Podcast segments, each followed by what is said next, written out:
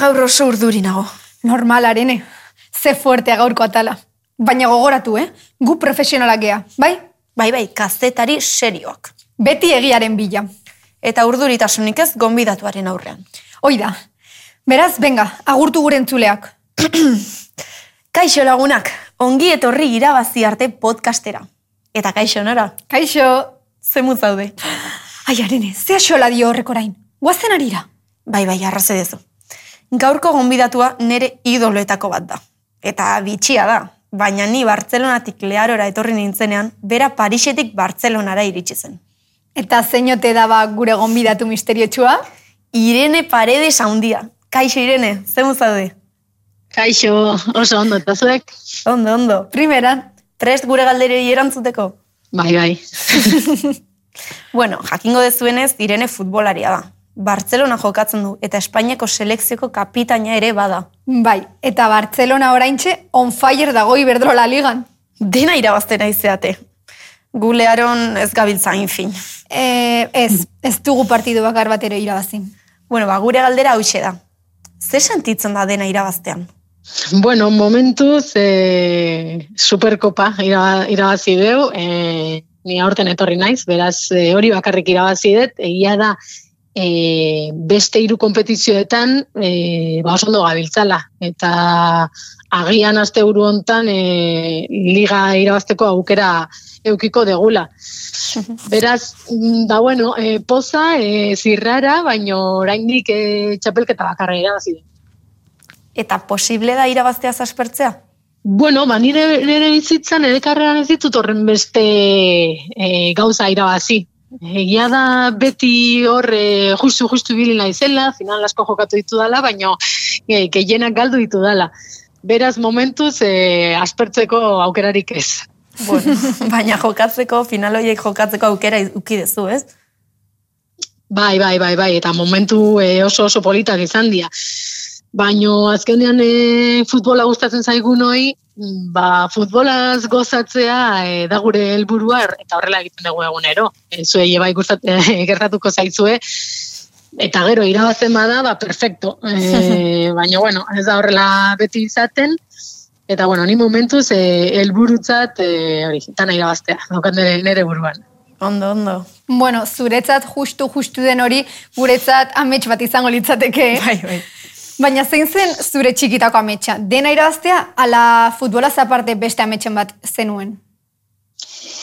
E, niretzat futbola etzen ametsa. Ze nola erreferenterik ez nituen izan, e, bueno, futbola bazegoen eta taleak bazeuden, baina ez ziren telebistan agertzen, ez ziren aldizkarietan agertzen, beraz niretzat etzen realitate bat, bakarrik mutien futbola ikusten nuen, beraz disfrutatzea bakarrik neukan ere buruan. Eta behin, bueno, e, helduagoa izan naizenean eta aukera horiek ikusi ditudanean, ba, bueno, ba, helburu ezberdinak finkatzen dituzu eta hoien artean eta nahi da, da, egia da.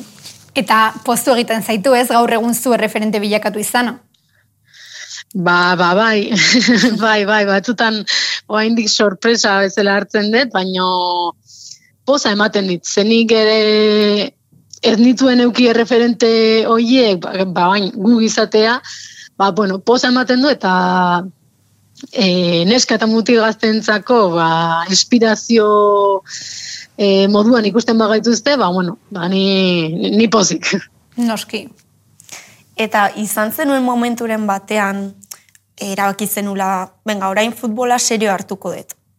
E, bueno, nin betianik hartu de futbola serio, naiz eta hobi bat izan, baina, bueno, ba, egia da, e, realan sartzerakoan, ja, talde profesionala zala, ordun ba, bueno, pixkat e, apostua handiagoa zan.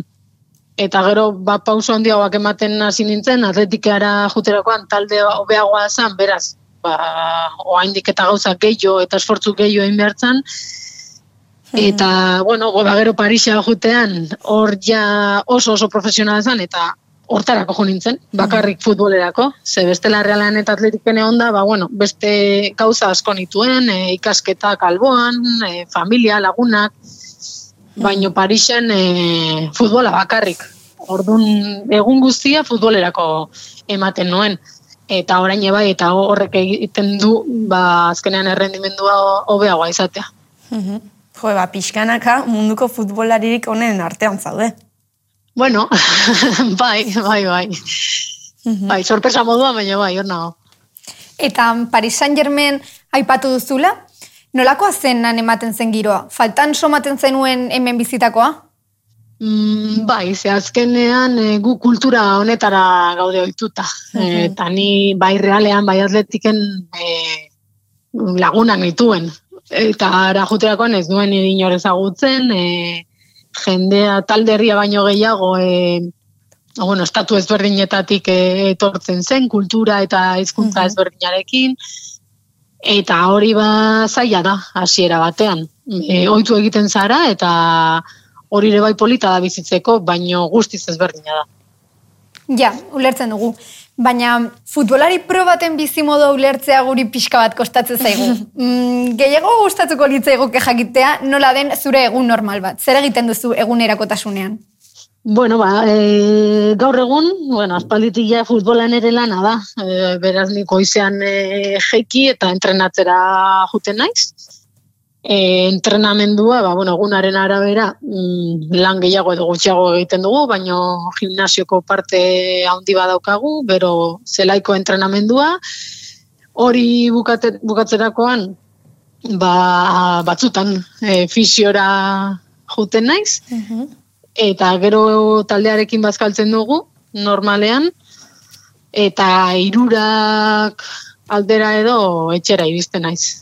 Eta, bueno, ba, beste atxaldean entrenamendurik ez dagoenean, ba, lasai. Nago, nere, nere familiarekin, e, deskantzatu beharra dago, e, azkenen helburua urrengo entrenamendurako preste egotea da. Eta bizimodu hau euki aurretik, esan dezu ikasketa batzuk egin dituzula, ez? Bai, bai, ni IBEF ez, e, ikasi nuen, gazte izen. Eta, bueno, orduan, ba, eguna pixkat zailagoa zen. E, bai, goizetan klasera jun nuen, eta orduan entrenamenduak arratsaldetan izaten ziren. Beraz, ez neukan e, zertarako denborarik, ez da ere ondo deskantxegatzeko aukerarik, beraz, errendimendua bajoagoa zen. Eta orain, denbora gelditzen zaizu?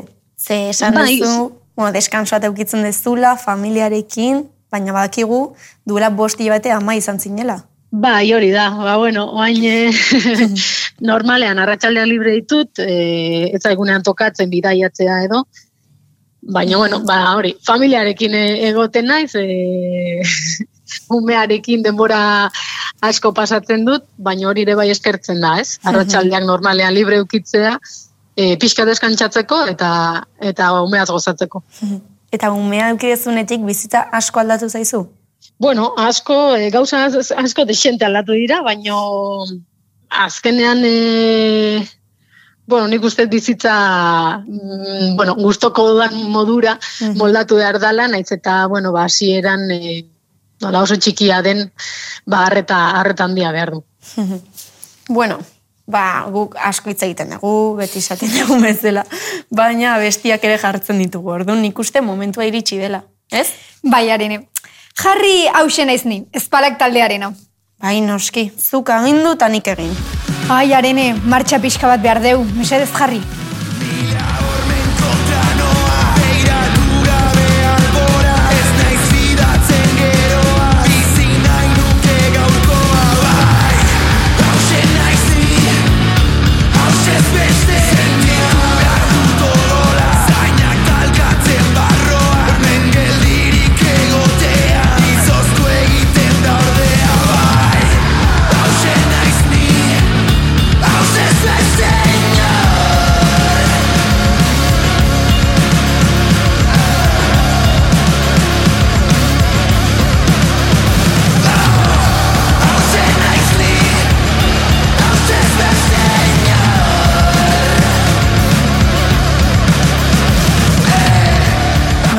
Grabatzen nahi dira, utzi dantza gerorako. Abesti ona, eh? Bai, bai, osona. Irene, zuri ze musika mota gustatzen zaizu? Edo zeintzute zu normalean? Ba, pixka denetatik, egia esan naiz ni eh, aldagelan musika jartzen duena, eta gero arratsaldetan mu- musikaneko lasaia jartzen dut etxean, niretzako eta umetzako ere bai. Abestiren bat, gomendatzeko? Iba, bueno, asko gustatzen zait Ed Sheeran e, Mhm. e, abeslaria. Baino, bueno, tokatzen dana, eh? E, pixkat, e, hola, lista luze bat jarri eta berdin zait ze, ze agertzen dan. Frogatuko dugu ere entrenatzeko ez xiran. Ea konpontzen dugu. Bitu, nik batzuetan ez dut kirola egiteko bat ere gogorik izaten. Gero, bai, aste naiz, animatu, eta, bueno, azkenerako gustu hartzen diot. Baina ala ere kosta egite zaitastea. Ja, batzuetan gertatzen da. Hilerokoarekin zaudela eta ez duzula zertaragoko gogorik ez? Iren ez duk badezu trukorik horretarako? Edo zea holku emango zen eguke? Jo, ni beti entrenatzeko gogoak izaten ditut. E, baino egia da batzutan, e, ez dakit, baliteke hasieran gehiago kostatzea, ez? Mhm. Baino gero behin e, hasita, ba hori, e, taldekideekin egonda eta baloia eukita, ja nahikoa da pozik egoteko. Eta trukoren bat, jo, eske ni jokoakin nahiko ondo pasatzen dut. Badakit taldekide batzuk e, okerrago pasatzen dutela, baino esate dute jekoarekin errendimendua hobetzen dela, beraz, ideia horri hartu eta jarraitu. Benetan? ba, probatu beharko da. bai, bai. Bueno, suposatzen dugu taldean oso jende ezberdina egongo dela, ez? Zuk lagunak egiteko aukera ikusi ez du taldean? Bai, bai, ni normalean, e, bueno, jendearekin ez daukat arazorik, eta gainera oain Bartzelonara etorrita, e, taldekide askorekin Espainiko selekzioak jokatzen nuen. Beraz, e, ja lagun asko nituen, baino beste jende asko e, ezagutu dut, eta oso ondo moldatzen naiz behaiekin. Eta nola da zure esperientzia Espainiako selekzioan? Ba oso ona, oso ona, ja urte xente, dara mazkit, eta oso polita da, bertara jutea, onenekin e, jokatzea, txapelketa ezberdina jokatzea, eta, bueno, horten Europako txapelketa dokagu, eta ber e, zerbait polita lortzen dugun. Ea, ala den. Bueno, gure taldean ere oso jende desberdina daukagu. Eta batzuekin ez gara zu bezain ondo moldatzen. Badaukagu pija bat, gero friki bat, Nora, ez izan hain bordea. bueno, ulertzen didazu, denetarik daukagula. Eta zu, Irene, nola zinen erabea zinenean? Jo, ba, uste nahiko normala nintzela, agian ez, eh? Baina, bueno, be, momentu zaiak izaten dira batzutan, esaten duzuen bezala gero e, taldetan jende ezberdinarekin topatzen zara, baina guztioi gustatzen bazaizue e, futbolean jokatzea, horri heldu. Eta askotan ez dezutan on eh, laguna izan behar e, futbolean ondo jokatzeko. Ba, bai, hori ikasten egiagu. Poliki poliki. Eta leku pila batetan egon zean ez, izkuntzekin zemuz moldatzezea. Oso ondo, oso ondo. Bai, bai nahiko errex ikasten ditute hizkuntza ezberdinak, gainera gustatzen zait. Mhm. E, beraz, bueno, frantziara juterakoan izan zen e, momentu gogorrena edo, baino inglesarekin moldatzen nintzen, eta gero blau, bost hilabetetan e, frantsesa hitz egiten hasi nintzen, eta bain Ostras. ja, normal hitz egiten dut. Ez da ara, arazo bat niretzat. Habilidadea badezu, orduan. Pixkat bai. Eta badaukaztu mantrarik edo esaldiren bat egunerokoan laguntzen dizuna edo bizitzarako orokorrean. Ba, ez, baino egunero gauzetaz disfrutatzen saiatzen naiz. E, egiten dudan gauza guztietaz. E, azkenen, bueno, ez bazu disfrutatzen zerbaitekin, nik uste aldatu inberdala eta beste zebilat. Hori izango da gure mantra hemendik aurrera. Hori da. Primeran. Taldekideen galdera. Bueno, arene, gaur ere nola ez gure futbol taldekideak galdera bat egin nahi zuten. Eta bidali egin digute. Orduan, entzun dezagun lehenengoa. Olatzen galdera. Apa, Irene, apa neskak, bueno, ni olatz naiz, eta badaukat galdera bat zuretzat. E, orain Bartzelonan zaude, baina gustatuko ditzaizuke zure kirolari bilbidea amaitzerako orduan Euskal Herriko ez, etxeko talderen baten amaitzeak. Eskerrik asko eta eta sorionak orain arte lortutako guztiagatik. Agur. Ba, zergatik ez. E, ezakit, ikusiko dugu. E, gustatuko leitzaidake, bueno, ikusi behar da momentuan e, nola hauden talde horiek, eta nize gogo ditudan. Baina, bueno, momentuz kontratua hemen daukat pozik nago, e, ikusiko dugu, aurrerago. Eta esango zen iguke ze taldea, nola, kompromesuan jartzeagatik. Nora. Kompromesu ha- handia da hori, eh? Ba, eske Eh, batzutan pasa egiten da, ez den kasurik. Bo- Ez, ez, ez dakit, ez dakit. Azkenen realean eta atletiken ibili naiz, beraz, eh, ez daukat arazorik alde batera do estera. Ondo, ondo, ondo aterazea. Esan dezun bezala, momentua bizi eta listo. Hori da. Bueno, ba, itxasok ere bidali digu beste galdera bat. Kaixo, bueno, nitxasu naiz, eta hau da nire galdera. Zein izan da, futbolean emakume izateagatik bizitu duzun injustiziarik handiena? Eskerrik asko! Mm, ba, aukera, aukera ezberdintasuna. E, azkenen txiki txikitatik ez ditut aukera berdinak izan. e, nire gelako mutile bezala. Mm, ni talde batean amala urterekin hasi nintzen, ez zegoelako nesken talderik. Orduan hor ja lehenengo injustizia. Eta gero, ba, bueno, talde guztietan eh, dauden eh, baldintzak, median ateatzeko aukerak, asko, asko daude zoritxarrez. Eta gaur egun nola ikusten dituzte injustizia horiek, hobetu dira edo berdin jarraitzen dute? Bai, asko betu dira gizartea aldatzen digalako, baino oraindik eh, asko daude eta bueno, egunero topatzen ditugu to, danok eta uste dut erakutsi behar direla eh, horiek ikusteko, eh, kontziente izateko eta aldatzeko. Bai, bai, arrazoi guztia zu. Eta ber, azken galdera egin baino lehen, berriro ere musikaren txanda. Ben garene, aukeratu zuk oraingoan. Bueno, azte detailea, ba daukat. Zuekin bulegoren bueltan da.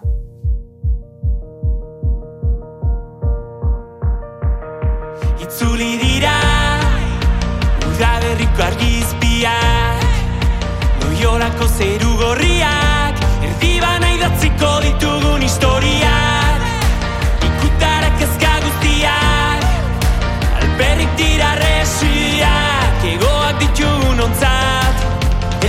eskutik dagoazen amets berriak idazten saiatuko gara elkarrekin. Eldorain eskutik dagoazen bide berriak argitzen hasiko dira. Ze bueltan da Barruan dugun pasio sugarra. Bueltan da Barruan dugun pasio sugarra. Zuli dira. Oain bai, iritsi da azken galdera. Bueno, Irene, gure gonbidatu guztiei egiten diegu galdera bera. Beraz, erantzun, ze aholku emango zenioke zeure buruari ama bosturte bazenitu. Eta erresa, eh? Mm, ba, bideaz disfrutatzea, eh, eskezago besterik. Ze, bueno, ni ama urte nituenean, esketan ematen duen, orduan ezin, ezin diote esan e, e, aukerak aprobetsatzeko edo dana emateko, beraz, disfrutatzeko bidea. Guk ere kontuan hartuko dugu. Ba, mil esker gurekin hitz egitera etortzeagatik. Ondo gonzara? Oso gustora, oso gustora. Pozten geha, eskerrik asko benetan plazer bat izan da. Eskerrik asko zuei, ondo segi. Eta eskerrik asko zuei ere entzuleok. Zuei esker hau posible da. Irene, eredu bat zara neska kirolari guztiontzat. Muxu zaparra da leharotik. Bueno, Nora, igo gure sintonia. Bai. Agur. Aio. Aio.